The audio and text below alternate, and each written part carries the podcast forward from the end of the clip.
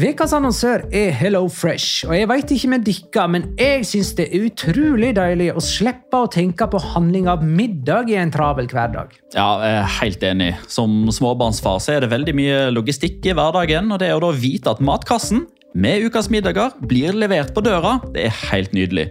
Da slipper du impulskjøp på butikken når blodsukkeret er lavt, og når du kommer hjem, kan du bare ta ut posen med dagens ingredienser fra kjøleskapet og sette i gang matlaginga. Ja, Du kan velge mellom 25 ulike retter hver uke. Og de har faktisk en egen kategori som heter Raskt og enkelt, med masse enkle og gode oppskrifter. Veldig greit å ikke måtte ty til takeaway hver gang det er hektisk på jobb. Jeg gleder meg spesielt til sterk chilikylling i min neste kasse. Jeg blir sulten bare av å tenke på det. Ja, Det er ikke feil med bacon og cheeseburger heller, da. Og det som også er bra, er at matkassen koster det samme hver uke, som gjør det enklere å holde matbudsjettet. Ja, og så blir det ikke matsvinn heller, fordi du får akkurat det du trenger til hver eneste rett. Hello Fresh kan absolutt anbefales, og bruker du koden vår, LIGALOCA, kan du få opptil 1779 kroner i rabatt på de fem første matkastene hvis du ikke har prøvd Hello Fresh tidligere. Du kan også prøve koden hvis du har avslutta abonnementet ditt for tolv måneder siden eller mer. Gå inn på hellofresh.no og bruk koden LIGALOCA. Bon appétit! Hallo? Jeg kommer fra Oslo politikammer. Ine Jansen er purk. Er du purk? The motherfucking bitch. Alt jeg vil, er å finne ut hva som skjedde med mannen min. Jon Carew. Er jeg sikta for noe? Iben Akeli. Det er du. Ole So, Lars Berrum og Big Daddy Karsten. Hvem sin side er du på, egentlig? Anette Hoff, Tone Danielsen, Kommer du fra Afrika? Jørnis Josef, Nesten. Kløfta. Trond Espen Seim. Det er synd å si det, men det var feil mann som døde. Purk. Premiere tirsdag på TV2 Play.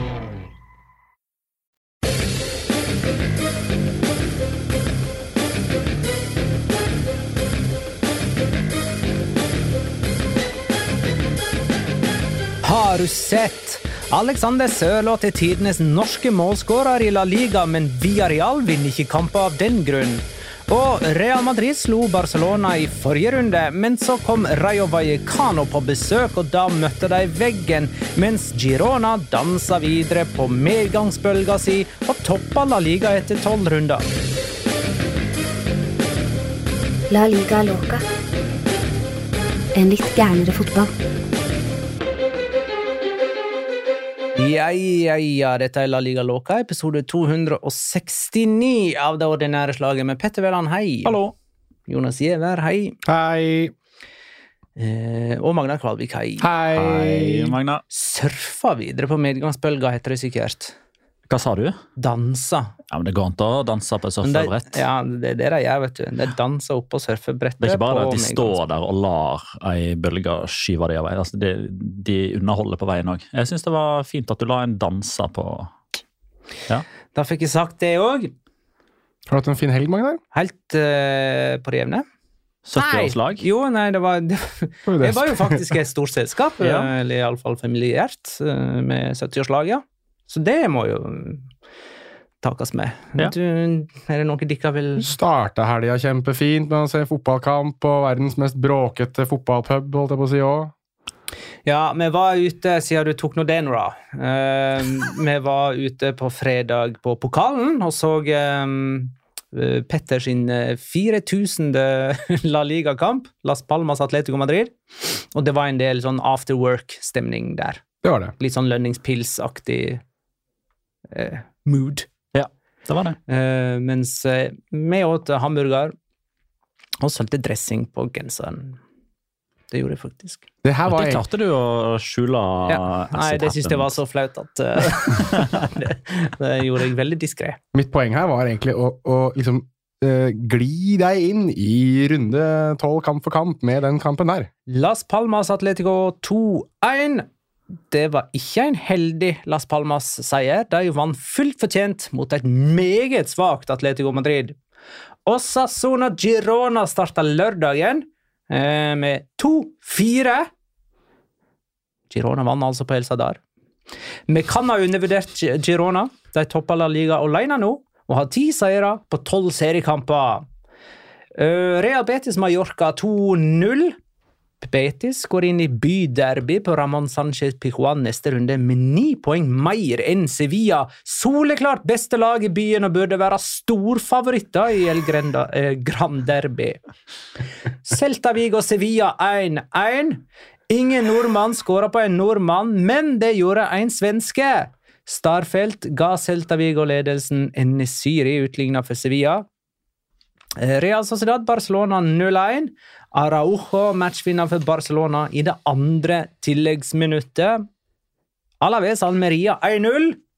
Janis Haji bomma på straffe for Alaves, som likevel vant takket være skåring av Sedlar.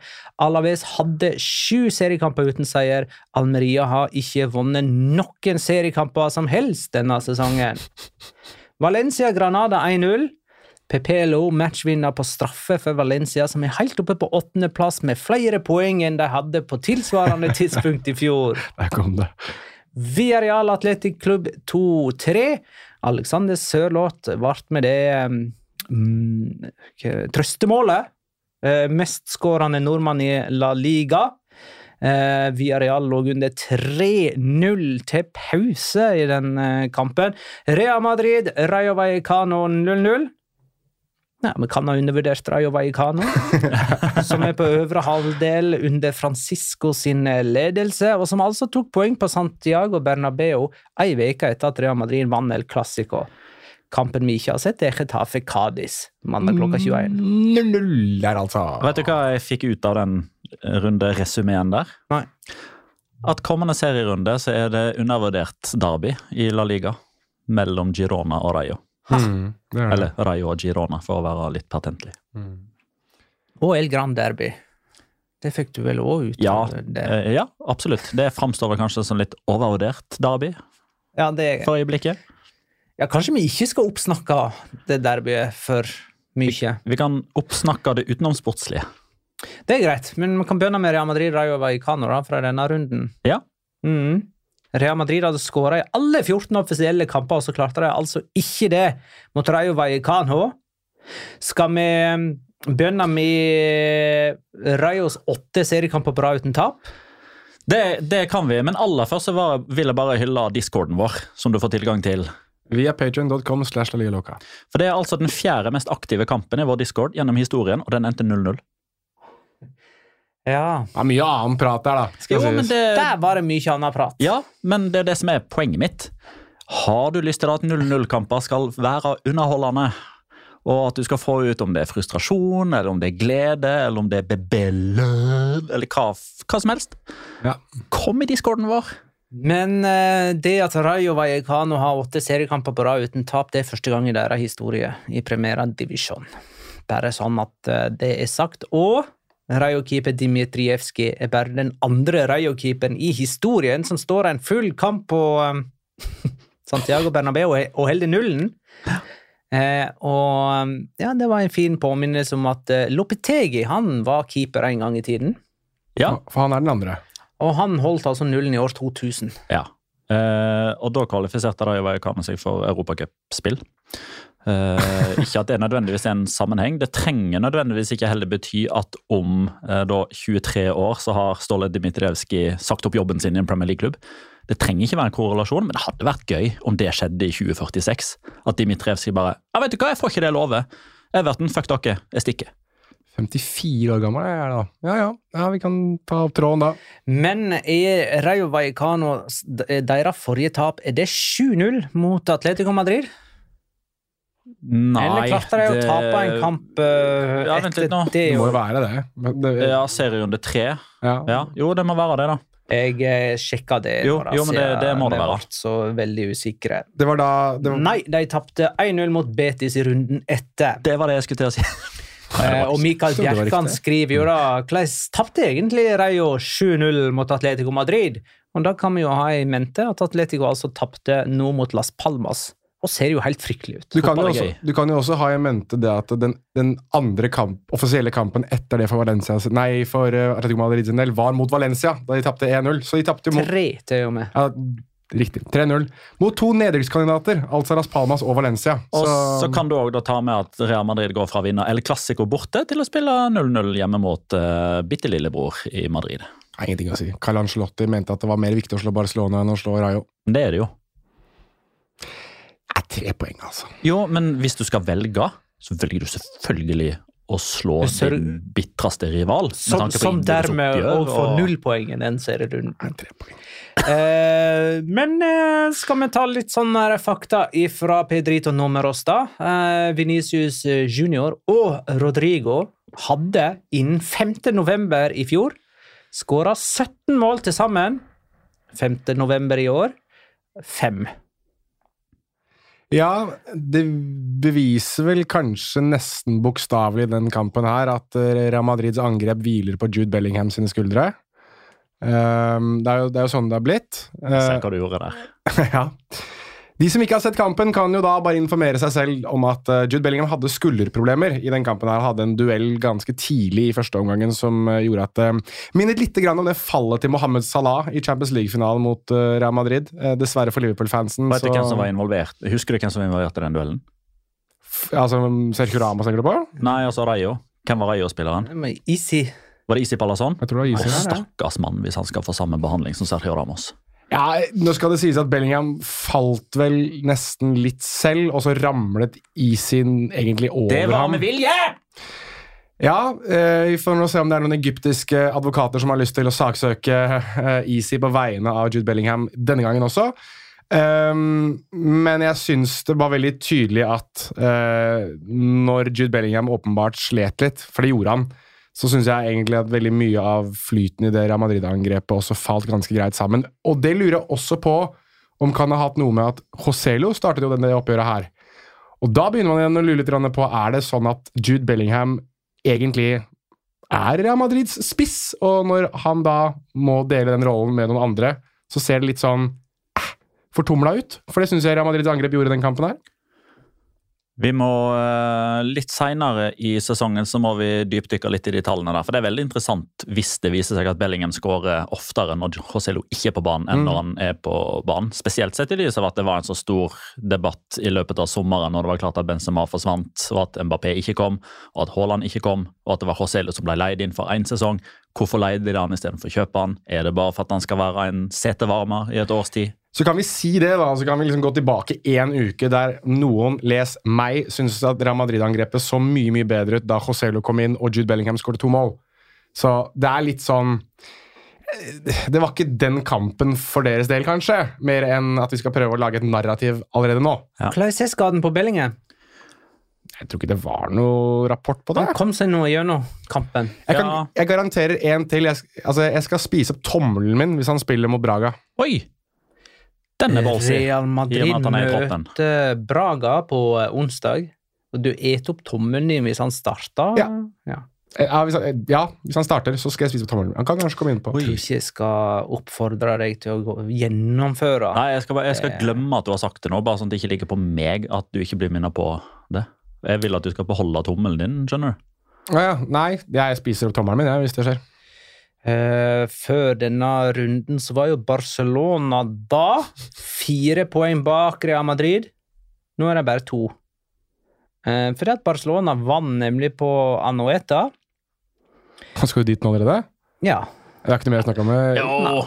Det er to ting vi må ta.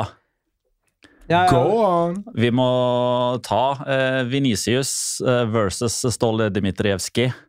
Eh, der Movistar-kameraene visstnok skal ha eh, plukka opp at Venezia sa 'du og meg' utenfor etter kampen. Eh, etter den pinlige filminga til Dmitrievskij, som forsøkte å spille på Venicius sitt andre gule, så må vi jo ta kyssegate. Altså, Får Rydiger nå tre års utestengelse av- fra, fra all fotball, han òg? Han kyssa en motstander uten eh, Samtykke? samtykke? Ikke på munnen. Nei. Og han holdt ikke i hodet på han. og- Han holdt ganske hardt rundt Ganske hardt rundt Florian Legend. Nei, det gjorde han ikke på, i, på noe kyssing. Og jeg så ikke kyssing engang. Jo. Nei, Det var var sånn kviskregreier, sånn fjas, som jeg ikke klarer å henge meg opp i det hele Det var et kyss der òg, altså. var det. Yes. Og så må vi nominere en rundespiller. Ja, og det er Andrej Ratio, som jo eh, alle, eventuelt ingen, hadde hørt om. Nå skal jeg snu papiret mitt, for i dag så har jeg faktisk eh, printa ut eh, researchen min. Fordi det tar seg ikke ut å løpe med PC-veska. Han heter altså da Andrej, og så må vi få en han heter Florin. Det er litt Florin Nandone i han der. Født i Romania, sånn som Florin Nandone. For hvem er egentlig Ratio? Det er det jo liksom ingen som veit. De aller fleste så han eh, for første gang i går. Uh, han uh, er faktisk en tidligere fotballspiller. Han forsøkte å bli fotballspiller når han var liten. Så ble han tatt inn i Viareal-akademiet som tolvåring. Spilte 65 kamper for C-laget, 58 kamper for B-laget, kun én kamp for A-laget, mot Valencia i Europaligaen. Han har vært leid ut til ADO Den Haag i Nederland. Han har spilt OL for Romania. Han er fast på det rumenske landslaget. Fast to sesonger for Uesca på nivå to. Fikk La Liga-debuten sin på Santiago Berno i går. Temma Venicius. Nådde maksfart på 35,6 km i timen. Og så kommer vi ikke til å høre mer fra han. Dette var det vi fikk. Så jeg måtte ta den nå. Det var nå eller aldri. Ja, okay. Ja, du, jeg fikk sånn feeling at du egentlig har en sånn forkjærlighet for rumenske fotballspillere her nå. Kanskje det er det som ligger litt latent her. Florin Radichoyo, Men George Janis Hadji Nei, jeg kan jo ikke ha hatt det, for jeg sagde jo Janis Haji da han ble klar for Alaves. Ja. Så ja, nei, jeg vet ikke, jeg. Nei. Kanskje det er noe med Florin. Jeg foretrekker hans norske ekvivalent. Hjallis Haji. Takk for meg. Eh, Real Sociedad Barcelona endte altså 0-1. Det er ganske ofte nå at Barcelona ikke er særlig bedre enn sin motstander, og likevel vinner. Nå er jo selvfølgelig El Clásico forrige helg et unntak. Men eh, skal vi more oss med denne statistikken? da? Siden Xavi tok over Barcelona, så har de altså 19 ganger vunnet 1-0. Ingen er i nærheten av så mange 1-0-seiere i samme periode. Og her skåra jeg altså to minutter på overtid. Jeg tror jeg telte tre store Real Sociedad-sjanser i løpet av de første tre minuttene av Ja. kampen. Det er riktig. De burde vel kanskje til og med le... Altså, det var ikke en... I løpet av det første kvarteret så var det vel fire, hvis jeg ikke husker helt feil. Uh, så de burde jo egentlig ha maltraktert Barcelona i den kampen her. Altså, det, det var jo en liten uh, diskusjon om det her i discorden vår, uh, rundt hvor vi skal legge lista for hva vi kan forvente av Barcelona. Eh, og jeg syns at i den kampen her så slet Altså, jeg sliter med å finne en gang Barcelona har vunnet så ufortjent som de har i den kampen her, da. Eh, dette her er ufortjent. Og så til de grader ufortjent. Fordi de blir faktisk i den første omgangen komplett spilt av banen. De mangler bare en scoring eller to eller tre eller fire Lareal. I andre omgang så kan jeg godt være enig i at det er mer jevnspilt, men det er ikke sånn at du ser Alex Remiro fryktelig mye i den kampen her, altså. Ei heller Robert Lewandowski, for den saks skyld. Det er kanskje en debatt i seg selv, det, altså. Hvor pissræva han har blitt på denne sesongen her. Men Han har bytta ut etter 58-59 minutter. Pff, det, det er 58-59 minutter for seint i så fall. Han burde ikke ha starta den kampen her. Men poenget er vel heller det at det, lista ligger på at Barcelona skal være noe mer jevnspilt, noe bedre enn det de er i det oppgjøret her. Og til tross for at Lareal ikke skaper så mye andre omgang, så sle, jeg sliter, og jeg, dere er mer leksikon enn det jeg er. Hvis noen av dere kan komme på en kamp der Barcelona har blitt mer rundspilt enn det her, og vunnet, så blir jeg imponert, altså, for det klarte ikke jeg. Og jeg satt ganske lenge på den kvelden der og lurte på hvilken kamp Jeg kan huske vi, altså, den andre veien. Hvilken kamp var det Barcelona komplett dominerte, men fortsatt tapte. Det har du ganske mange, da. Eller det spørs hvordan man definerer tapet, da. Men du, du skal jo til Skottland og Celtic, Definitivt. Men du har jo òg Interkamp, du har Chelsea-kamp, Ja, ja, ja, ja, de Der de ikke nødvendigvis tapte kampen, men røyk ut sammenlagt. Ja, ja. Eh, Det eneste Jeg har jo tenkt litt på dette her. Jeg har ikke kommet med noe som jeg tenker jo, jo, den her. Men den som, vil, eh, den som jeg vil løfte fram som et mulig unntak her, det er jo den eh, Og grunnen til at jeg tenker på den, det var jo at eh, jeg fikk spørsmål fra noen når jeg runda 4000, liksom, hva er de mest minnerike kampene. Levante Barcelona 5-4. Mm. Eh, da husker jeg at det var en periode der at hvis, eh, hvis en Levante-spiller hadde tatt eh, en corner, så hadde han bare skrudd den rett i mål. Hvis keeperen hadde slått langt, så hadde han bare, han hadde bare skåret. Var det- alt gikk inn i den nest siste eller tredje siste serierunde med Valverde. Første tapet for sesongen. Var det da Morales var for sliten og klarte ikke å løpe mer, så han bare skjøt, liksom? Ja. Ja. Ja, jeg mener det var i den kampen. Nei, jo, eh, men det var òg en, eh, en annen helt der som hadde liksom sin eh, Åh, dette uttrykket. eh, coming, out, Coming out party? Coming out party. Jeg husker ikke navnet på han. Det hadde jeg hatt hvis jeg hadde hatt en PC foran meg. Jeg har mista kryptonittet mitt. Eh, men det være en altså der er jeg ganske sikker på at Levante skåra på fem av fem sjanser der i løpet av en periode, mens Barcelona bombarderte. Den kampen tapte de 5-4. Eh, men jeg er, definitivt på, eh, med på en påstand om at dette her er blant de mest ufortjente seirene til eh, Barcelona. Kan jeg få lov til å bare komme med veldig sånn kjapt? Det var 5-4. Kan jeg si målskåreren den kampen her? Uh, du har helt riktig. Det er en spiller her som har et coming out-party. Og det er nok ikke den kampen hvor uh, Morales scorer, for det gjør han ikke den kampen her.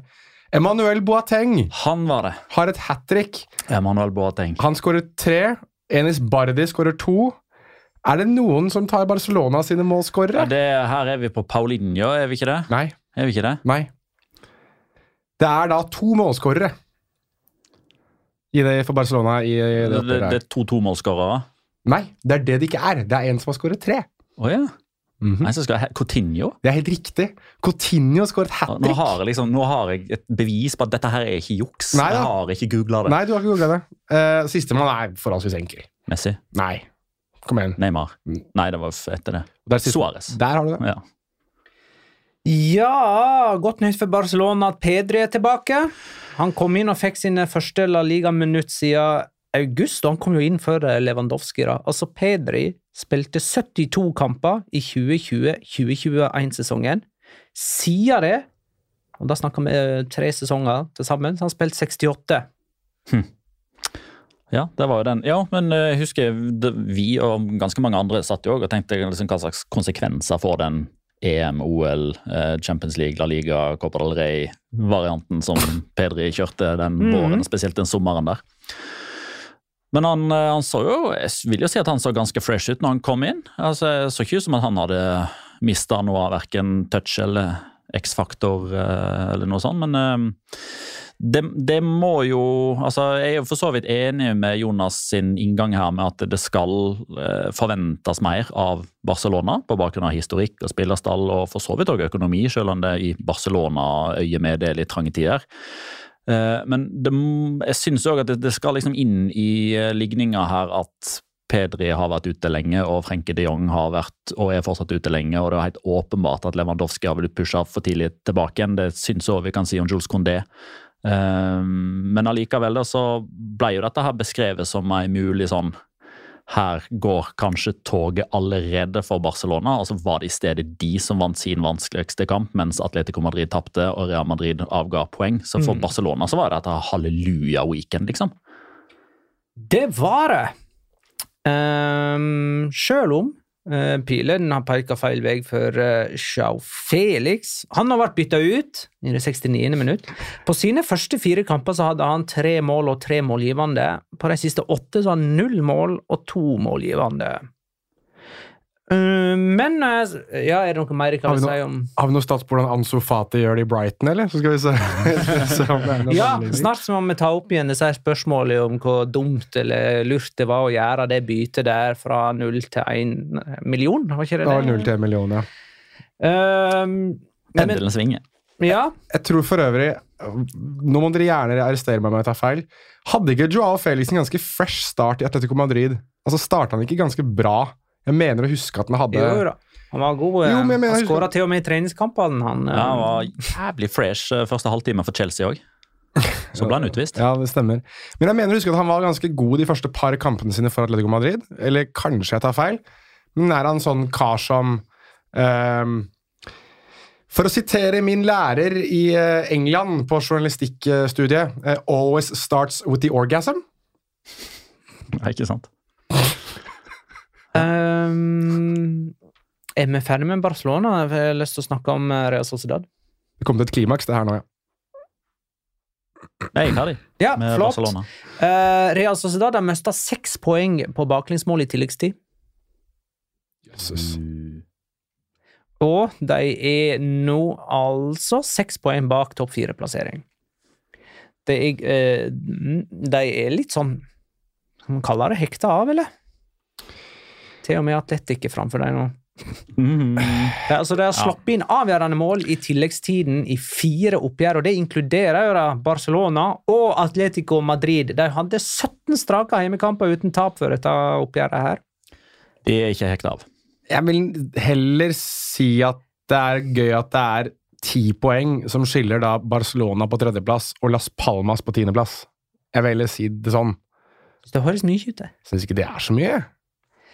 Ti poeng etter tolv kamper. Ja. Det blir 40 poeng det i løpet av en sesong. Ja, altså Som skiller de, altså? Ja. Ja. Mm. ja Men mener tror- du at det er mye eller lite? Liksom? Nei, jeg mener at det er lite. Jeg synes at det er eh, Jeg ville trodd at det kanskje skulle være litt større sprik helt der oppe. Ja. Men det er det ikke. Eh, og det er altså heller ikke altså Real Sociedad er jo da Dette er jo kanskje et større sprik, nesten. Eh, de er jo da seks poeng bak Atletico Madrid, som dere var inne på, som også har en kamp mindre spilt. Det ble ikke nevnt her. Så det blir jo litt sånn, hvis Atletico Madrid vinner den, da er jeg enig i at det, det, jeg blir litt mer bekymra for Real Sociedad sine um, sjanser. Ja. Denne veka skal Barcelona møte Shakhtar eh, borte i Champions League. Det er tirsdagskamp. Real Sociedad møter Benfica hjemme onsdag. Den er tidlig, 18.45. Husk det. Begge kan sikre avansement. Syns det er jævlig slemt å si at Shakhtar er hjemme. ass. De spiller i Tyskland. Spiller i Hamburg. Jeg sa Barcelona spiller borte mot dem. Ja, ja, og jeg syns det er veldig kjipt å si at Shakhtar spiller eh, hjemme. Eh, det er noen som gjør det, at dette er hjemmekamp for Shakhtar. Ja. Er nøytral grunn, ass. Ja.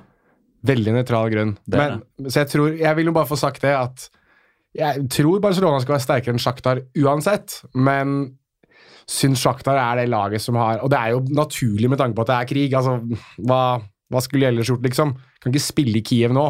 Men jeg syns det er liksom litt sånn Ikke blitt snakket så veldig mye om hvor dårlig uh, Sjaktars sjanser egentlig er for avansement og for å egentlig spille godt i Europa, med tanke på at ikke de spiller hjemme engang. Mm.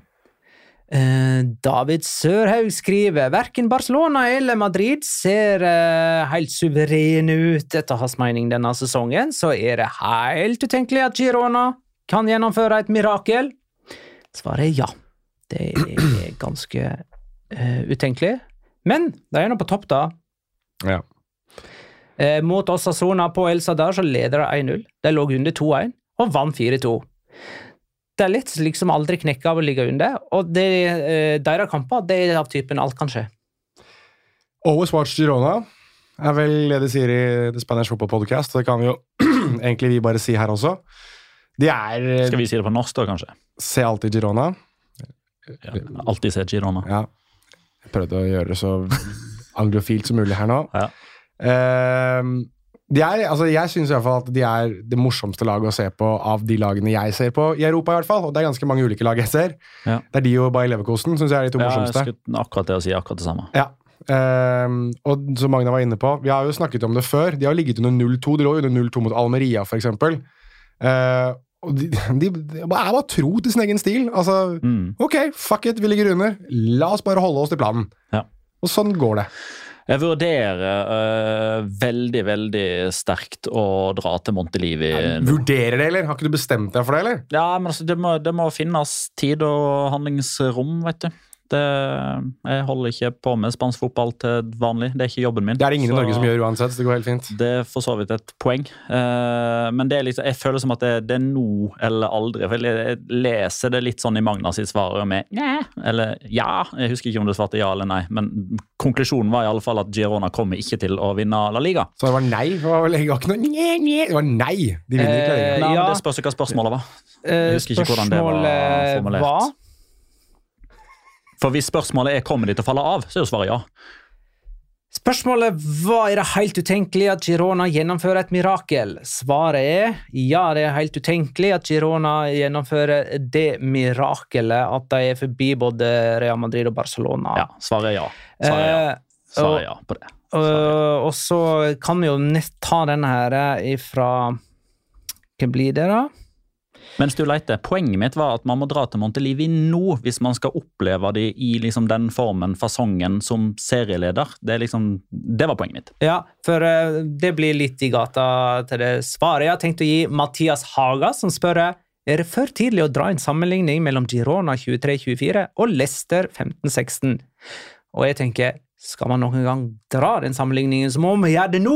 Ja. Ja, Før sant. det blir for seint. Sånn som vi gjorde når det var Alavester for eh, Det var fem sesonger siden. da Da var Español der oppe òg, etter sånn 10-11-12 serierunder. Ja, men ikke så Nei, nei, absolutt ikke. Men, men la meg bare ta det, da. Eh, fordi du stilte spørsmål i discorden i går, og jeg ser at både Pedrito Numeros og Mr. Chip kommer med litt sånn forskjellige typer statistikker. Så jeg har gått gjennom sesongene eh, på denne sida av millenniumsskiftet. Hva er spørsmålet? Spørsmålet er når, eh, eller har en serieleder etter tolv serierunder noen gang ikke kvalifisert seg til Champions League?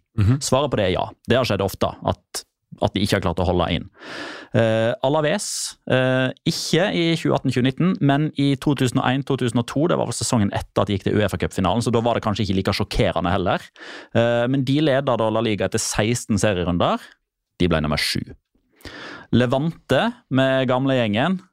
Sergio Ballester og så Javi Venta og Ruben Suárez og gjengen. Var Aurona Kone der òg? Arona Coné var der. Ja. Eh, 2011-2012.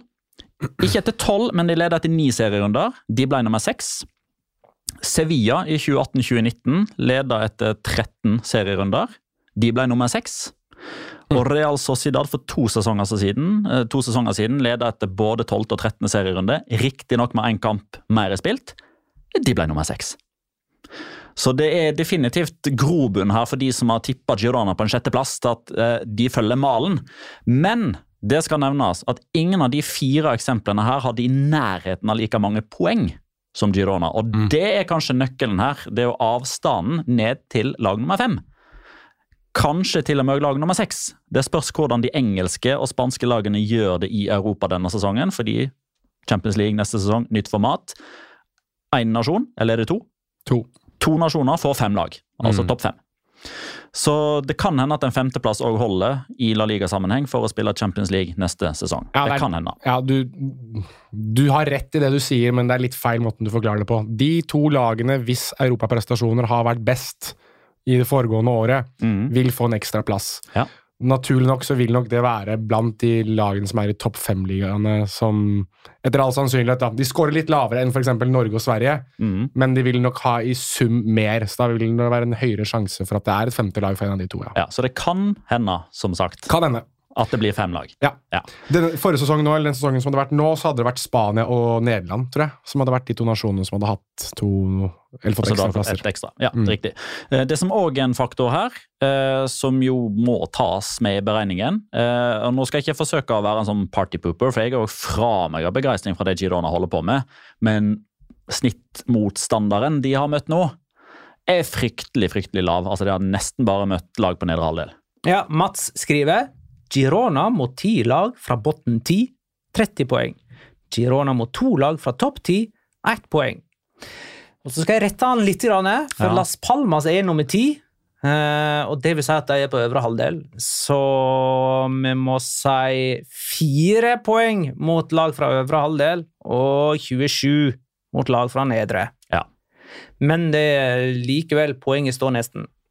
Mm. Ja, po eh, Poenget står med at fram til nå så har Terminlyset spilt på lag med Girona. Ja. Så hvordan skal det gå når Girona møter andre enn bunnlag som Villarreal og Sevilla, skriver Mats.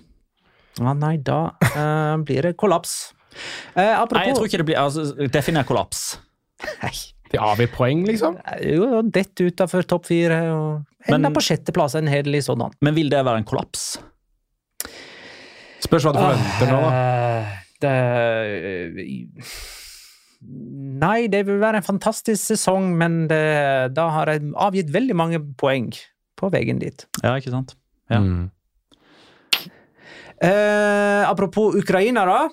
Dovbyk Mm. skåra, og Sigankov. Mm. Eh, og det har liksom ikke florert med ukrainere i La Liga-historien, har det vel? For Dobbik er mestskårende ukrainer nå gjennom. Ja. Han tok vel Kravets. Ja, med seks mål, liksom. For Roman Sosolia er jo en som vi husker veldig godt, i Ja. hvert fall. Og Dovbyk har jo, gjort- har jo ikke starta i Valencia ennå. Dovbyk har jo tatt den rekorden på sånn tolv serierunder. Ja, han er, han er eh, den ukrainske Erling Breit Haaland. Jeg har sagt det før, jeg sier det igjen. Helt, helt fantastisk å gå ned med ryggen mot mål. Forresten, du nevnte du, Petter, at lag som har vunnet ti av de første tolv serierundene at det har aldri blitt noe dårligere enn nummer tre? Eh, akkurat det nevnte jeg ikke nå, nei, men vi har tatt den lignende statistikken tidligere periode. Men jo oftere Så- de vinner nå, jo større er jo sjansen, ikke sant? Ja. Jeg vet ikke om du skal inn på det, Magnar, men ehm, jeg har vel egentlig bedt om at vi skal snakke bitte litt om liksom, omstendighetene rundt Girona. Jeg vet ikke om du har eh, det i planen din? Eh, dette har du bedt om, så Ja. det må vi jo da. Eh, jeg kan ta innledningen for deg. Hvis Takk. du skryter av Gironas prestasjoner på engelsk på Twitter, så får du hint tilbake om at eh, de blir eid av Manchester City, og at eh, denne prestasjonen er ikke så stor i så måte. Og da vil jeg bare legge til at det er ikke bare et engelsk fenomen, det skjer også i Spania, med bl.a. Mr. Chip, som har lagt ut disse statistikkene, blir bombardert av City Football Group fra spanske supportere. Ja, eh, jeg prøvde meg jo på dette her nå i, i går, søndag 15. november, og prøve å gi litt hyllest til Girona for den sesongen de har gjennomført så langt, da. Og for å ta liksom det overordna eh, Girona er eid av City Football Group, 47 og blant annet da eh, Perre Guardiola, altså broren til Pep Guardiola, og en eller annen eh, boliviansk-amerikansk investor som også eier en del av Inter Miami. Det er liksom de tre største som eier Girona som fotballklubb, og så er det andre investorer da som har vært med hele veien. Det er deres tilknytning til City Football Group. Det samme gjelder jo da New York City, Manchester City, du har en klubb i Melbourne, du har en klubb i og er det Montevideo i Uruguay. De, altså de er en del av dette konglomeratet. Troya, for eksempel, som også er i Frankrike, er en del av dette. Ehm, men utover det så har eh, egentlig samarbeidet med Manchester City vært veldig ofte det at City låner ut noen av sine talenter til Girona. Eh, de har ikke pumpet Girona fullt av supertalenter. De har ikke pumpet Girona fullt av penger, for i La Liga går ikke det. Altså, det er en ganske strikte finansielle regler som vi har gått gjennom ganske mange ganger, på hvor mye du kan bruke av penger. Så det er ikke noe sånn at det er noe pengebruk over evne her, eh, for det fungerer ikke på den måten. Eh, og jeg vil gjerne ta, Hvis du ser på den troppen Girona har akkurat nå, da, så fant jeg tre spillere som har fortid i Manchester City. Altså eh, som har vært innom Manchester City på eller et eller annet tidspunkt. Og de tre, da, det er Alej Garcia som Han riktig... teller ikke. Nei, men la oss nå gi folk det de vil. Han Jo, har, men vi skal jo òg dementere. jo da, han har så vidt Han har vært tilknyttet dem. Han har ikke spilt for City, men han har vært i Manchester City. Det har han. Uh, Yangel Herrera har vært Manchester City-registrert spiller. Han er kjøpt av Girona for 5 millioner euro. Han er da Girona-spiller, har vært tilknyttet City. Også vært på lån i Girona fra City tidligere. Erik Garcia har også vært i Manchester City, er nå i Barcelona og er lånt ut til Girona. Det er de tre med fortid. Og så har du Jan Kauto, som er Manchester City-spiller per definisjon nå, og er lånt ut på andre sesongen til Girona. Girona for to sesonger siden Du har, du har en til. Hvem er det? Savinho. Ja, Han er eid av Troya. Det er riktig. Han er eid av en City Group-klubb. Det er helt riktig.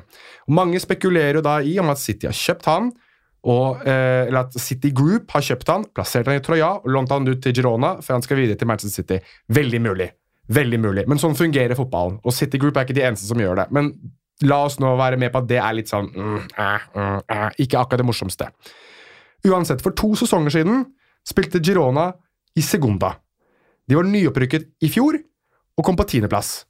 Denne sesongen så har de ikke gjort fryktelig mye på overgangsvinduet. De har riktignok brutt sin egen overgangsrekord ved å hente inn Artem Dovbyk som del av CWC-avtalen, altså der andre har brukt penger. Så de har fått inn penger fra en La Liga-avtale, altså ikke noe innsprøyting av en eier, men det er penger som alle har fått, som har skrevet under på CWC-avtalen. De har etter det ikke gått og ansatt noen supertrener. Altså, Mitchell har trent Rayo Vallecano og Wesca før han trente Girona. Han var så, så langt nede som på 19.-plass han, med Girona i Segunda på et tidspunkt. Det er ikke noen sånn mirakelmann som har kommet inn her. Dette her har vært hardt arbeid av Girona, av de som er i Girona. Og ja, du kan godt virkelig vende den dårligste siden til å si at det er, det er Schofeld, dette er ekkelt fordi at det er tilknyttet City Group. Helt greit, men da tror jeg du skal slutte å se fotball. For da kan det ikke være noen ting som er fint i fotballen for din del, uten at du skal finne ut det mørkeste og jævligste med hver eneste lille ting som eksisterer i moderne fotball. Eh, ja, du ville ha denne òg, fra Øystein Sørumshagen. Hva er eh, eh, mest sprøtt? At Leicester sitt uh, midtstopperpar fra 2017 starta for United, eller at uh, midtstopperparet Erik Garcia og Daily Blindt uh, toppa La Liga? Ehm, jeg syns begge er ganske sprø, jeg, da. Men jeg syns at uh, æres den som æres bør her, da. Um, Daily Blind og Erik Garcia har utfylt hverandre til punkt og prikke, men jeg tror også at de har spilt i et system som har maskert en del av de feilene de har. Uh, Girona spiller jo tidvis det som omtales som en sånn slags 3-1-6-formasjon offensivt. Uh, når du klarer å, å presse lag så langt inn på egen banehalvdel som det de gjør, så er det ikke så ofte du trenger Daily Blind eller Erik Garcia til å rydde opp så, mye- så altfor mye. Um, og når du også har en del ganske store, røslige karer som kan ta unna i luftdueller, f.eks. Dovbyk, som har blitt brukt mye som førsteforsvarer på corneret. David Lopez. David Lopez, ikke minst. Så kommer du deg litt unna Daily Blind og Erik Garcia. også. de har klart vært gode på å maskere de åpenbare feilene de to har. All right. Ehm, det var norsk duell på Balaidos, der ehm, En ting, kjapt. Runden spiller. Jeg tar det bare kjapt. Ja, Jeg har snakket mye om Girona nå, så jeg skal bli ferdig med det. Alers Garcia. Og det er egentlig bare kumulativt av alt han gjør denne sesongen her. Og igjen, hvis ikke han blir tatt ut i en spansk landslagstropp veldig snart Her tør jeg ikke å si neste tropp, men veldig snart så skal jeg spise den andre troppen. Ja, Goldi Godin skriver hvor langt unna i Alers Garcia å være verdens beste midtbanespiller denne sesongen, og vi kan vel egentlig la spørsmålet være svar nok. Tre mål, fire målgivende, tredje eller fjerde sist, men scoring tolv ganger. Tolv ganger! Det er Andres Iniesta og Chavi Hernandez tall. Du elsker Alers Garcia mer enn visse mennesker elsker sine egne Og barn. veit du hvor han har vært i løpet av karrieren sin? Han har vært i Romania. Har han det? Dinamo Bucuresti. Nei, har han det?! Det var altså norsk duell på Balaidos, der eh, Jørgen Strand Larsen møtte Ørjan Hårskjold Nyland. Det ble ingen scoring eh, på Strand Larsen. Må vi kunne si at Nyland vant den duellen der, for det sto ikke på sjansene for eh, Playa. Nyland hadde én redning, kanskje, og så var det eh, En som gikk over, og en utenfor. Ja, noe sånt. Han burde Ja. ha skåra her, eh, Playa, to ganger. Ja. Burde det, altså. Ja, men, ja, spesielt den ene når han kommer gjennom det. Det, det, det, det skal jeg spørre han om en gang. Når han kommer alene gjennom der, og han ser Ørjan Horsvold Nyland liksom komme ut og skal gjøre seg stor, om han da tenker liksom Å, det er Ørjan. Eller å, han er norsk. Eller Nå kan det bli historisk på en måte som egentlig ikke betyr en dritt. Ja, men eh, vi vet at Jørgen hører på litt innimellom. Kan ikke du svare til oss? Ha, ble du litt stressa da du leste den tweeten, eller leste den Instagram-posten fra La Liga Loca? Ble du det? Benjamin spør er Celta Vigo det mest uheldige laget i La Liga. Ja Det er de. Altså, Rafa Benitez skal ikke fly den neste uka. Nei, men det har, nei, det har skjedd ganske mye. Skal vi se. Denne gangen så fikk de ikke en straffe som først var dømt straffe. Uh, de fikk et annullert mål mot Girona, som var helt meningsløs annullering. De fikk jo òg en meningsløs annullering mot Real Madrid. Uh, her ble jo Renato Tapia uh, utvist. Men den er. Den er grei. Den er grei. Den er veldig grei. Jo, men sånn, ting som er greit, det skjer. Ja, Men eh, ja, når man kan sette spørsmålstegn ved ting, så uh, går det som regel imot uh, Celta Vigo. ja stolpetreff og tverrleggertreff og Ja. Ja, du har lyst til å spare Iago Aspas til seinere? Nei, det er, altså, akkurat den konkrete situasjonen kan vi prate Ja, for om. mange har jo helt sikkert sett på sosiale medier at Aspas river ned en uh, VAR-skjerm. Uh, og når det skjer, så tar gjerne folk det for en sånn ja, da, mm, Som et tegn på at eh, videodømming fungerer ikke. Eller eh, enda en uh, stor protest mot videodømming. Men var det en uh, rettmessig protest mot videodømming, dette? Liksom. Altså, han, han tar jo frustrasjonen ut på den var skjermen, da. Ja, for Du kan ikke dinge en dommer, så det er jo like greit. Da kan du bare ta Jo, men, eh, eh, ikke-levende ting. Jo, men, Men det, dette er jo den straffesituasjonen. sant? Ja. Celta Vigo får straffe, Ja. eh, men så ser jo da videodommer at her er det Celta Vigo-spiller som holder i trøya til eh, Jesus Navas. Vel så mye som at Navas holder i armen. Ja, man til- må jo nesten tro det, da. For det, det, det, dette, her er, dette har blitt mitt eh, lodd i La Liga Loca. Det er å forsøke å forklare hva er det som skjer her. Altså Hvorfor gjør dommer som han, som han gjør? Eller hvorfor velger videodommer å si at denne her må du se på på nytt igjen? Og Da går jeg tilbake igjen til det svaret som er alt, Godt hende at det er kjedelig repetitivt. repetitivt. Eh, det spørs helt, eh, det spørs helt på hva Hernandez Hernandez har sagt etter at han har blåst i fløyta. For det er det VAR har å gå etter. De kan se med egne øyne hva som skjer, og så hører de på headsetet hva som har blitt sagt. Og Hvis det da er sånn at eh, Hernandez Hernandez dømmer på at han ser at Jesus Navas holder Dovikas såpass kraftig i trøya at derfor faller Dovikas, så blåser han straffe basert på det. Hvis han òg da sier sånn 'jeg kan ikke se at Dovikas gjør noe feil i den situasjonen', da støtter jeg at da skal vi inn her og se. Fordi dette her er en situasjon der man er sånn mer eller mindre like gode. Jeg syns ikke dette er verken frispark ene veien eller straffe andre veien. Dette er en situasjon der ingen av spillerne kommer til å nå ballen uansett. Og da skal ikke sånt blåse straffe på. På samme måte som at den armen i ansiktet på Ogodoro heller ikke skal blåse straffe på. Men det blir jo ei sånn greie her der hver eneste gang det føles som at det er sånn kron og mynt, så faller den imot Celta Vigo hver eneste gang. Var det ikke her eh, videodommer eh, Jeg husker ikke hvem det var. Prieto Iglesias. Hadde ikke han en forhistorie med Celta fra denne sesongen her også? Jo, men altså, det, det har de jo med altså, absolutt alle La Liga-dommere.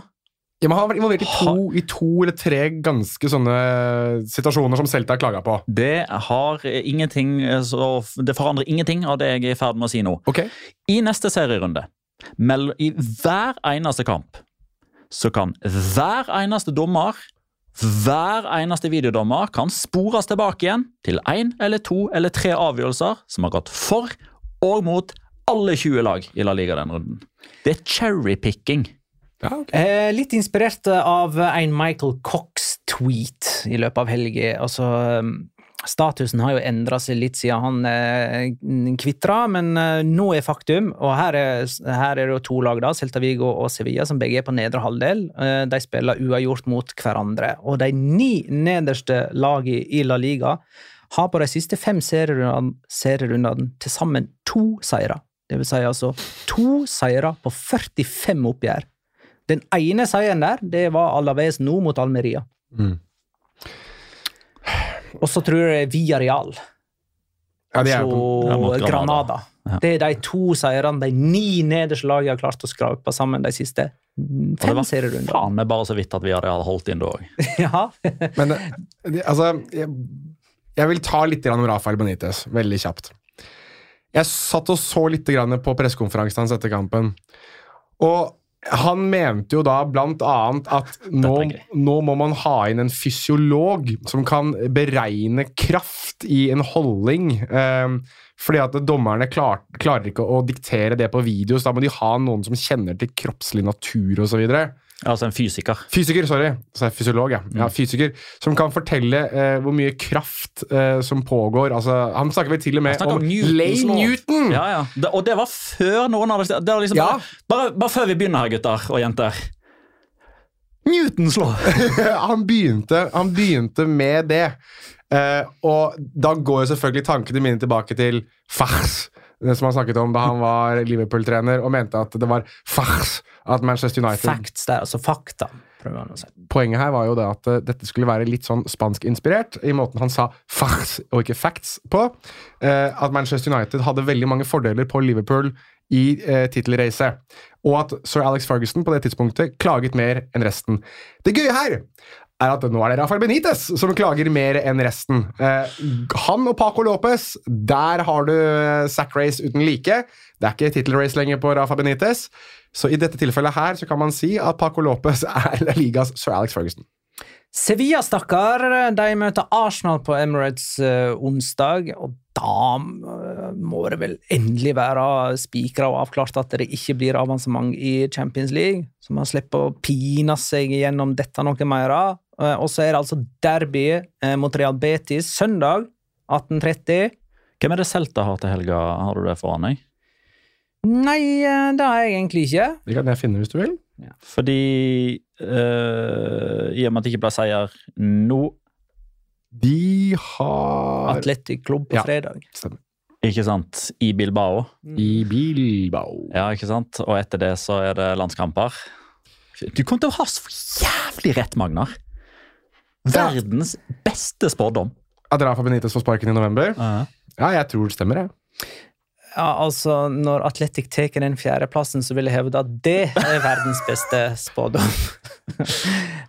Men hvor hen var vi nå? Jo! Sevilla mot Real Betis. Betis slår Mallorca 2-0. Og fikk tilbake Nabil Fikir. Fint. Han tok jaggu eh, på seg kapteinsbindet i samme slengen.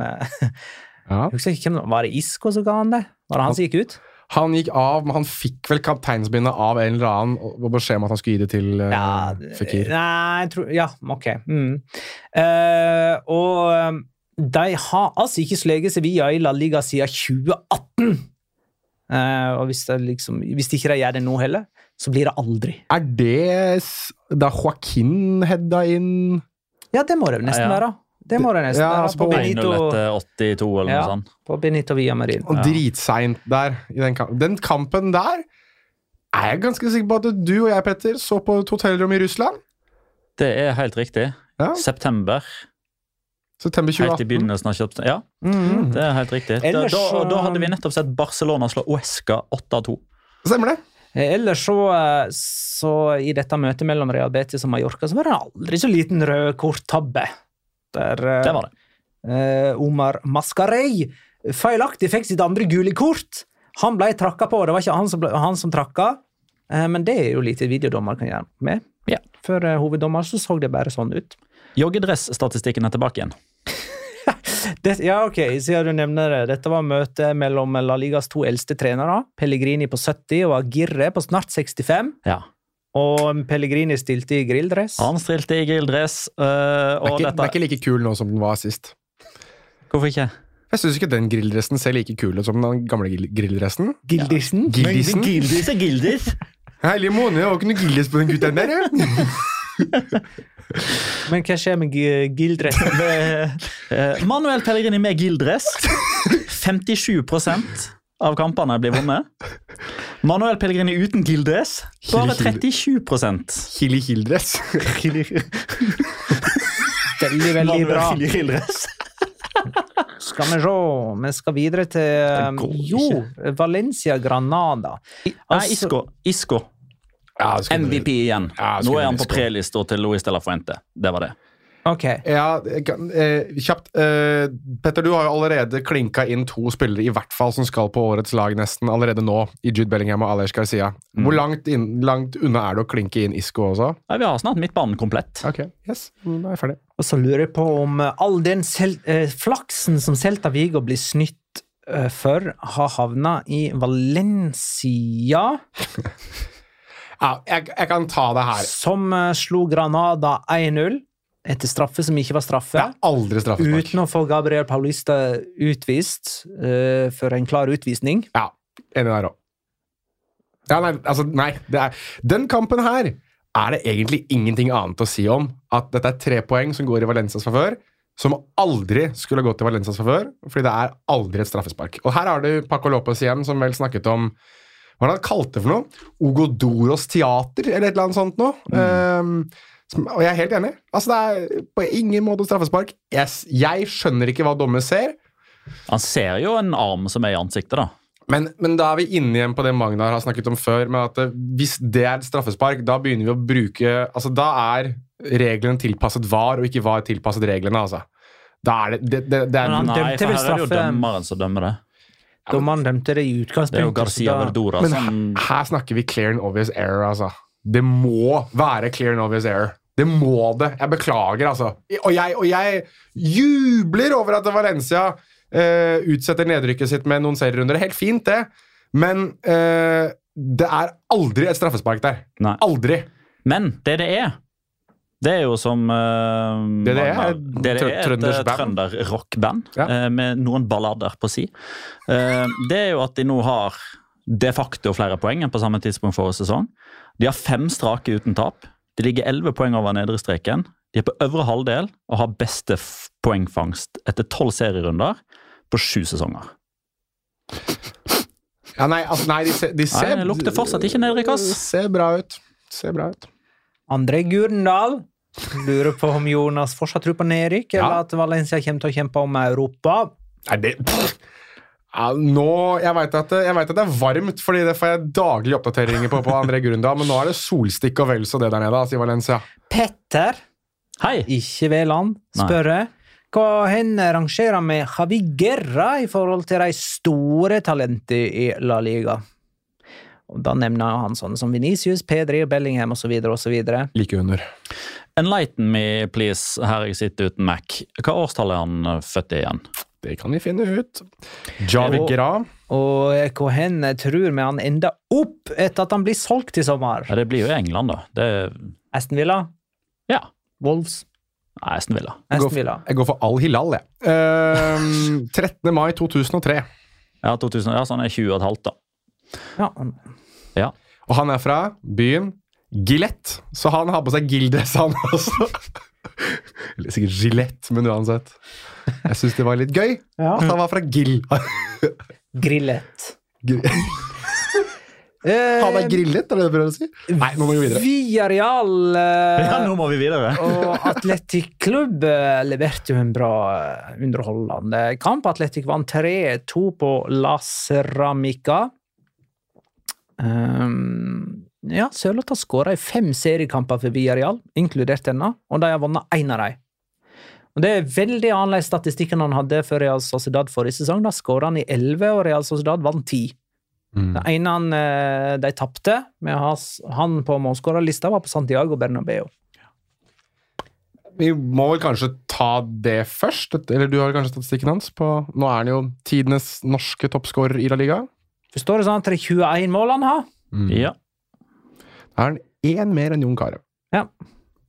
Det er jo kjempegøy. Altså, jeg syns jo um, Altså, da han forlot Real Sociedad, så var det vel i hvert fall én her, om ikke to, om ikke tre, i det studio, som var litt sånn eh, er ganske surt, for nå har vi hatt en nordmann som har gjort det såpass godt i La Liga, oh, skåra i Basker-derby eh, Hva blir det nå? Altså, nå blir vi én nordmann fattigere.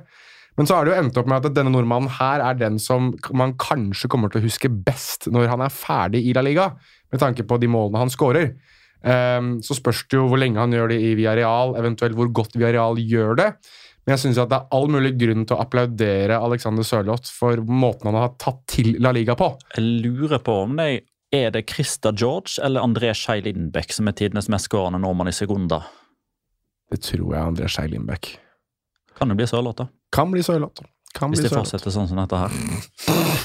Så det du prøver å Du utfordrer nå Du som via, Du sitter jo i Villarreal-tøy i dag. Ja. Så det du egentlig prøver å si, er at du maner Alexander Sørloth til å bli med når det selvfølgelig blir nedrykk på Via Real og Valencia og Sevilla denne sesongen her. Ja, nei, men altså, det, altså, det kommer det ikke til å bli. Men det, det er litt det samme som at man, kan, man, man kunne liksom si det på vegne av 17 lag i Premier League, og fordi det, det er tre lag som bare er helt ufattelig dårlige ræva. Og sånn er det litt sånn i Spania òg nå. At Via Villarreal de, de, Vi kommer nok til å snakke om de som en sånn der eh, ja, nå, Denne sesongen her så kommer Magna uten ironi til å kalle dem for nedrykkstrua ganske lenge.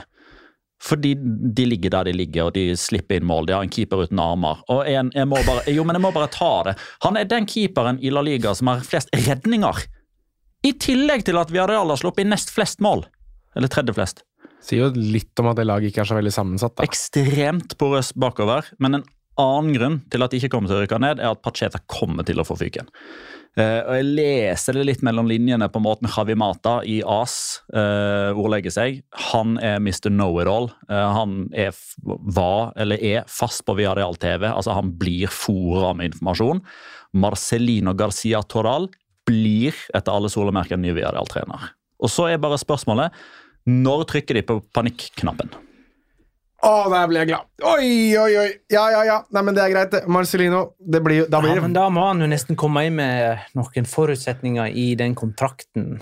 Om at han skal få det som han vil og sånne ting. Ut ifra måten de forlot hverandre på sist gang, mener jeg. Ja, ja, og så må, nå får vi nå håpe for Alexander Sørloth sin del at han, er, at han er med på dette her med veiing og eh, fettprosent osv. Lavkarbo. Er ikke det litt er ikke det lavkarbo som er Nei, kanskje ikke. Men forestiller jeg det, da. Altså, innbilte meg det. altså Alexander Sørloth blir jo da eh, den rikemannsutgaven av Simone Sasa i det Viareal-laget der. Det, Ja. er, fy faen, så gøy det blir. Men, men, men la meg da bare ta konteksten her, da, siden vi snakker om at og Ruben Oria eh, kommer tilbake! Å, herregud! Ja, eh, Marcelino ble jo, eh, om ikke forhatt, så i alle fall veldig lite likt blant Viareal-fansen pga. måten han forlot klubben på. og Det var jo dette famøse siste serierunde i kan det ha vært 18, 17 eller 18, der Viardal spilte borte mot Sporting Gijon. Eh, Marcelino og madammen er jo fra Astorias Giron. Det er liksom klubben som har vært nær deres hjerte hele veien. Sporting Giron måtte vinne for å unngå nedrykk. Møtte Viadial, som også hadde, hadde litt grann i potten. Men eh, Sporting Giron vant, beholdt plassen. Og kona til Marcelino skrev på Twitter eller Facebook eller Telegram eller hva for et sosialt medium hun bruker. MySpace. Typ eh, mission accomplished, liksom. Typ denne, denne fiksa vi for Sporting, liksom. Men eh, ja, den er god. Jeg nominerer Nico Williams til runden spiller. Mm, bare fordi at han er så moro å se på når han eh, faktisk er skikkelig god, og det var han i en halvtime. Da hadde han eh, både mål og målgivende. Eh, Det var, tok jo bare at- Atletic 30 minutter å lede 3-0 i denne kampen. her. Den målgivende pasningen den slo han til De Galareta, som skåra fra 25 meter. Så kan- liksom gratis målgivende på den. Ja. Ja. Galareta. Jeg bare, unnskyld, jeg bare måtte. Ruiz de Galareta. Ja. Fornavnet der er Inigo. Å ja, det fulle navnet, etternavnet er Ruiz de la Galareta. Ja. De Galareta. Ja. Riktig. Kan jeg, kan jeg få komme det- en oppfordring til Det var ikke meninga å galaretta på deg, men Kom, kom igjen, gå videre! Gå videre! David De Gea, bruk penger, Viareal. Kjøp han. Få han inn. Eh, vi må òg si noen ord om Las Palmas Atletico Madrid. Atletico hadde seks strake seire, og så stoppa det med mageplask mot Las Palmas, liksom. Jeg Kan vi slutte å omtale dem som tittelkandidat?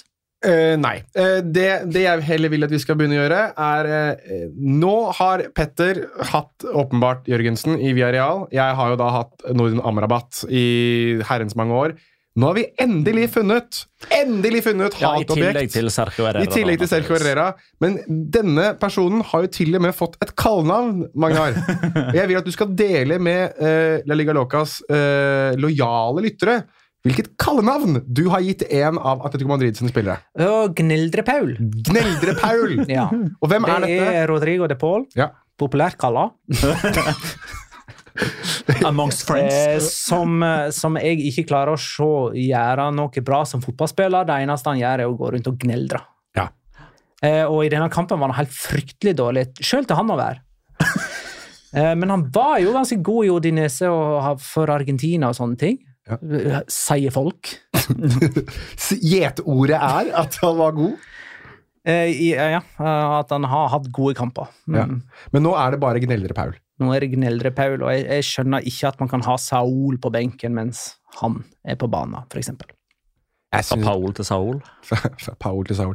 Jeg syns bare det er gøy at han har fått et kallenavn. Men jeg synes Ja. det som også er enda litt gøyere, er jo at Las Palmas ser ut til å bite litt fra seg, da. Eh, Jeg har jo ment lenge at Las Palmas er ganske essensielle for La Liga-interessen i Norge. For det er ganske mange som ser en La Liga-kamp når de er for eksempel på Det var veldig mange nordmenn som var der på fredag. Mm. Det vet jeg for a fact. Og det er ikke bare sånn ah, mange nordmenn på Det var veldig mange nordmenn Ja, ja, ja. på den kampen. Um, Rundens detalj. Overhoppet til Alex Munoz før skåringa Ja, det til Kirian. Det må bare sies. Og skåringen til Kirian det var et skudd fra utenfor 16 meter. Kirian, Kylian Mbappé. og det er se, det, er det femte skuddet som går inn på Jan Oblak fra utenfor 16 meter denne sesongen. Ja. Det av alle Og jeg har redningsprosenten til Jan Oblak i, i hans Atletico Madrid-sesonger. Og Den er som følger. 79, 84, 80, 83, 80, 78, 78, 70, 75, 71. Så hvis noen lurer på hvorfor Atletico Madrid slipper inn flere mål, svaret er veldig enkelt. Jan Oblak han er ikke så god lenger.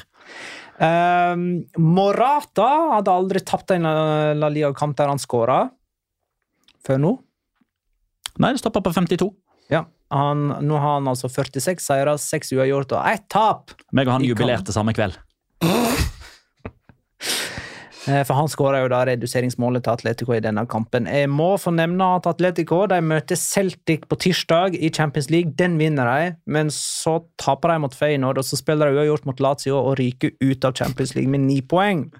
Det har jeg altså da etablert i en Patrion-episode. Det har du. eh, og den, eh, den er bankers. Men da tror jeg det er tid for Locora! Ukens La Liga Locura. Locura. Locura. Locura. La Liga Locura. Luis Garcia, ikke han som spilte for Liverpool, men han som trente Spanjol, og for så vidt spilte for Spanjol, og som kom inn og skulle redde de i fjorårssesongen fra nedrykk. Han har jo ikke gjort det så veldig bra. Eh, han ble jo med ned på det nedrykket, og det ble nå bestemt i helga offisielt at Spanjol har sparket eh, Luis Garcia.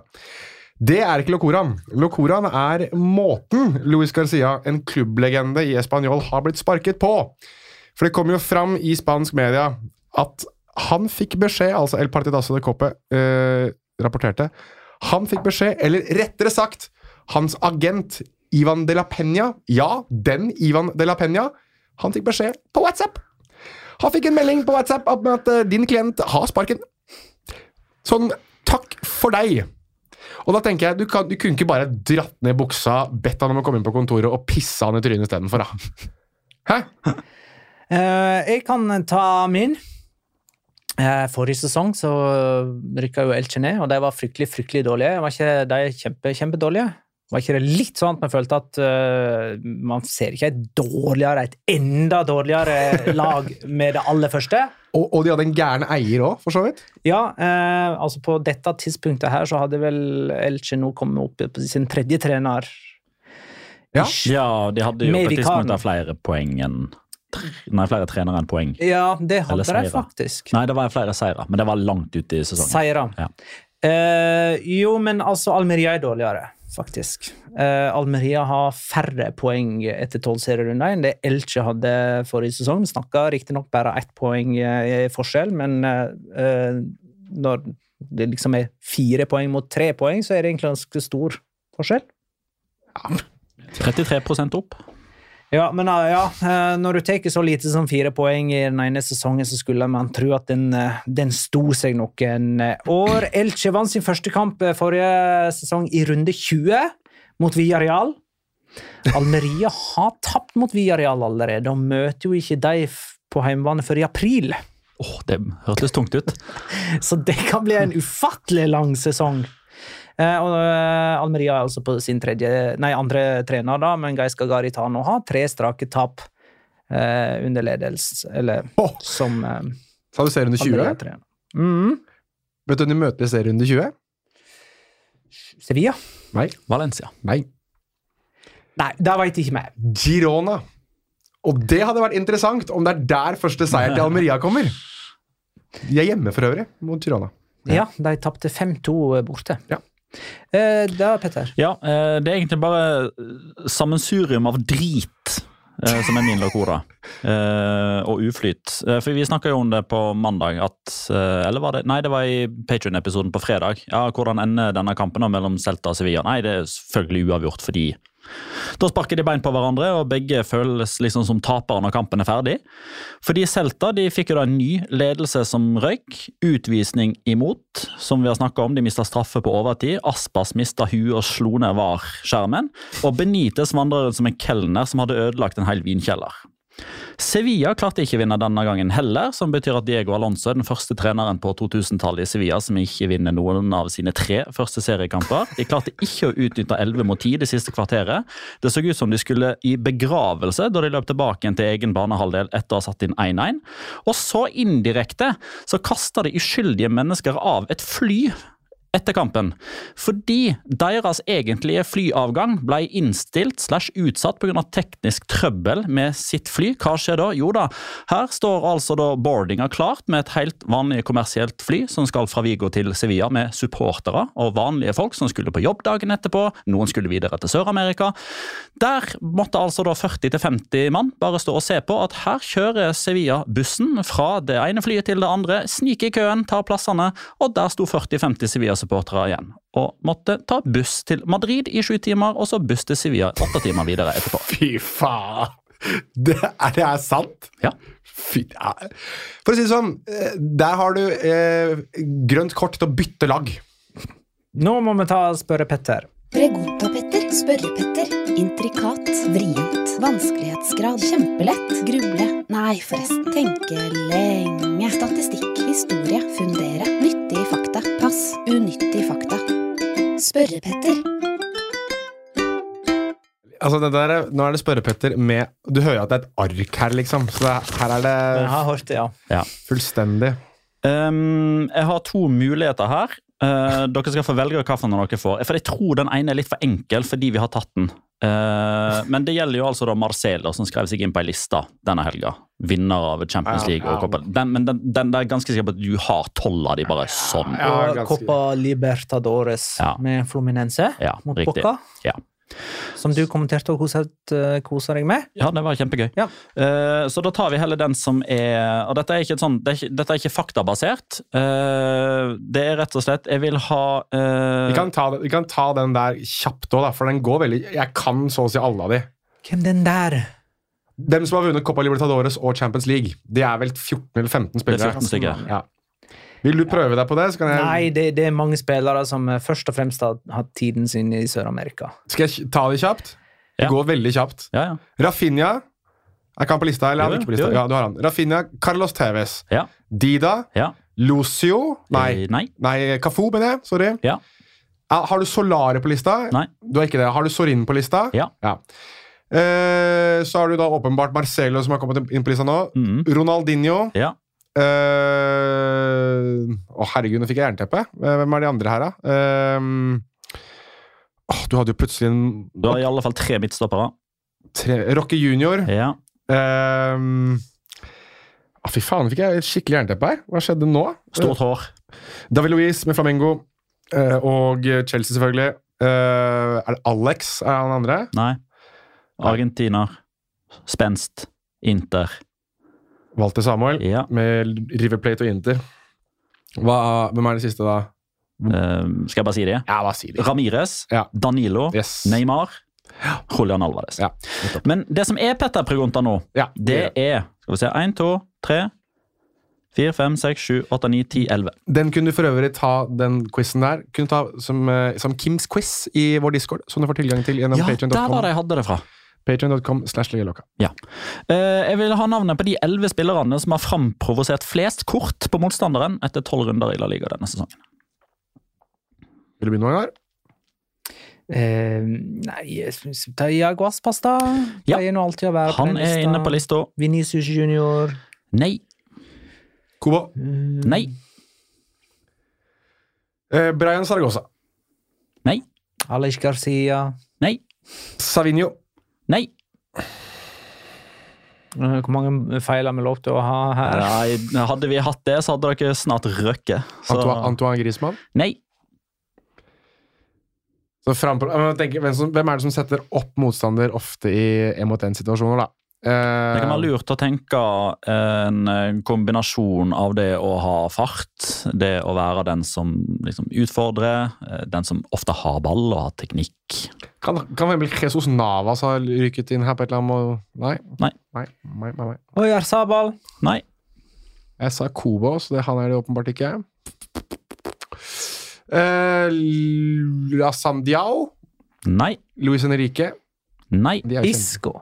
Ja. Ni. Han har nest flest. Han er kjapp, liksom. Han er jo Nei, men han har masse ball. Han er eh, vanskelig å ta ballen fra. Du holder, du klokken Eh, Aspas var ikke den som hadde flest, sant? Nei, han har seks. Han, eh, altså, han som har flest, har ti. Og så er det Isco som har ni. Og så er det en eh, person med sju, og resten på denne lista har seks. Alex Baena. Nei. Han får. Ja, men han gir og får, holdt jeg på å si. Ehm, Men eh, en av uh, brødrene Williams er her, eller? Nei. øh, Nå kjenner jeg at det har vært en lang episode. Skal vi se Jeg Bare se lagene foran meg. Det må jeg ha lov til å gjøre. Um, er det noen Valencia-spillere her? Ja. Da gjetter jeg på at det er uh, Ogodoro. Nei. Det er Gaia? Nei. Nei. Nei som, Fram Perez? Så må jeg Nei. gå gjennom den vanligste elbanen deres, da. Bortsett fra stopp, eller mitt, eh, forsvarere. Diego Lopez. Nei. Javi Guerra. Nei. Eh, han som skåra nå i eh, Pepelo. Riktig. Ja, jeg tenker jo bare offensive spillere, jeg nå. Eh, Det er lurt å gjøre det, men jeg trenger ikke utelukke f.eks. høyrebekken til et av de dårligste lagene i La Liga. Jude Bellingham! Ja. Høyrebekken til Almeria der, altså. Ja, helt riktig. Høyrebekken til Almeria, Jude Bellingham. Det er ikke, det Er er det høyrebekken til Celta Vigo? Nei. Jeg lager Ramazani inni her, liksom? Nei. Men det er en god shout, vil jeg si. Ja, um, takk. takk, takk. Så han spiller ikke nok.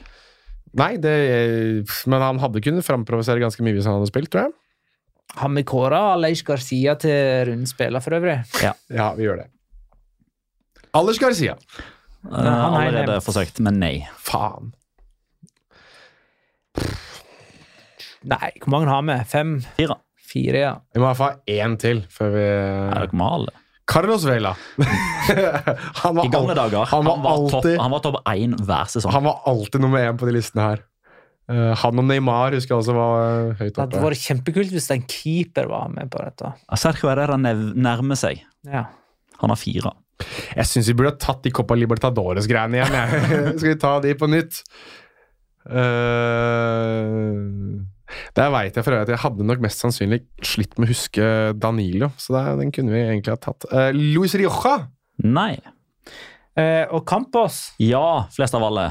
Ti. Er han flest av alle? Ja, ja, ja, ja. Men altså, Gneldre-Paul kunne ha vært på den lista der fordi at han er så faktete. Han han kunne vært det, men han er ikke det. Han klarer ikke å overbevise dommere om at ingenting eh, Ja. Det Drit i det. Og godeste altså, uh, Brian Sargossa var ikke på den lista her. Nei. Det er ganske vilt, syns jeg. Han Ja, men det er jo ingen som altså, Han spretter jo bare forbi. ja, men han blir jo stoppet innimellom, han òg, holdt jeg på å si. da. Ja. Uh, Jeremy Pino spiller jo ikke nok. Uh, ja, Jeremy Pino prøver det. Nei. Det er ingen Viareal-spillere der. Ja, det er også overraskende. Ja, hadde Chimi Avila spilt nok, så hadde jeg eh, foreslått han. Alvaro Garcia. Nei og nei. Nei, men i faen, da! Nei, men seriøst, liksom? Én Rayo-spiller der. Baby. Nei. Det er ikke Pacha Espino? Nei. Nei uh, Easy? Nei. Fy faen. Ja, nei, det begynner å bli tungt. Det går Ja, det gjør det. Jo, jo, men altså, dere har en raie å spille. Det er hint. Altså, At det er sist. altså vi skal til Argentina. En argentiner i Å, i Å, herregud. Faen er det en, da? Han sa nylig fra seg kapteinspinnet. Uh, Trejo. Ja. Så er det høyrebekken til dette dårlige laget. Der har dere fått et hint. Damian Suárez. Nei. Så det er høyrebekken til et lag lenger ned på tabellen, da, mest sannsynlig. Ja, det er vel det. Ja, Getafe er på tolvteplass, så der må det jo være det.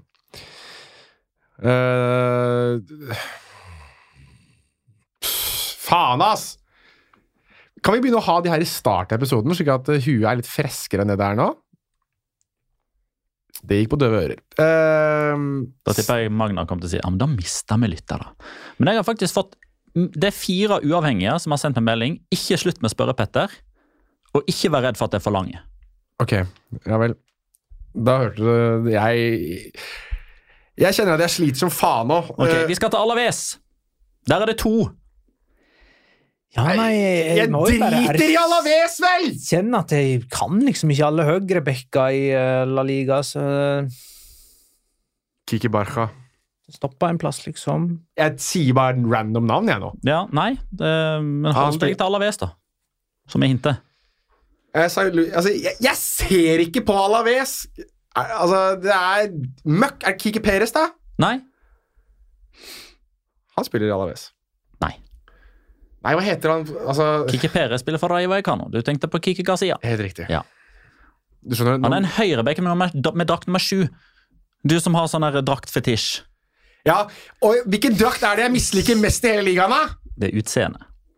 Ja, du tror jeg, du, du tror jeg sitter og så Ok, det var Alex Sola. En annen Alaves-spiller. Vi skal til Romania. Janis Haji. Ja. Og så skal vi til Elfenbenskysten en liten tur. Hvilket lag er vi på nå? Eh, Det blir jo for enkelt, da. Er det så Hvor mange ivorianere er det i La Liga? Det er nok til at jeg sliter. Ivorianer. um, ja, men nå må vi, nå må vi lite grann Vi må opp i ringa nå, Magnar. Uh, ivorianer um, Ingen ivorianere i Valencia. Det er ingen ivorianere i Real Sociedad altså det, det, Dette kan ikke være en som spiller for e- et av topplagene. På ingen måte. Nei. Så det er en som er ganske langt ned på tabellen. Så, det, oh, ja. ja, så han er mest sannsynlig helt nederst, nesten. Nesten. Ja. Så det er nok en Granada-spiller, da, etter all sannsynlighet. Nei. Da er det en Celta-spiller.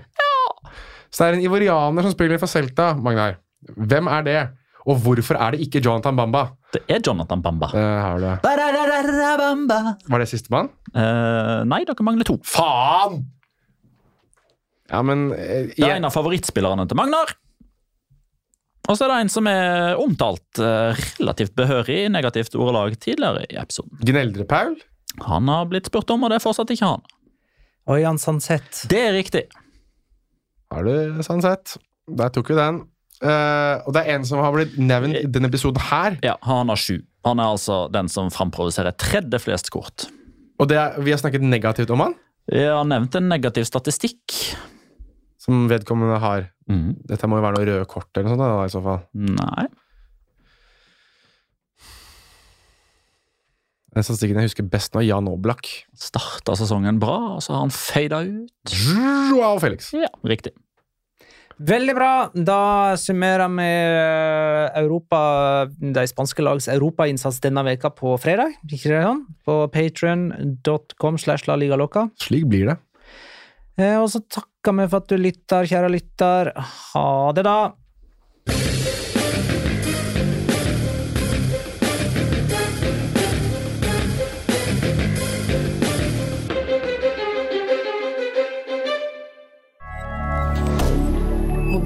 Media.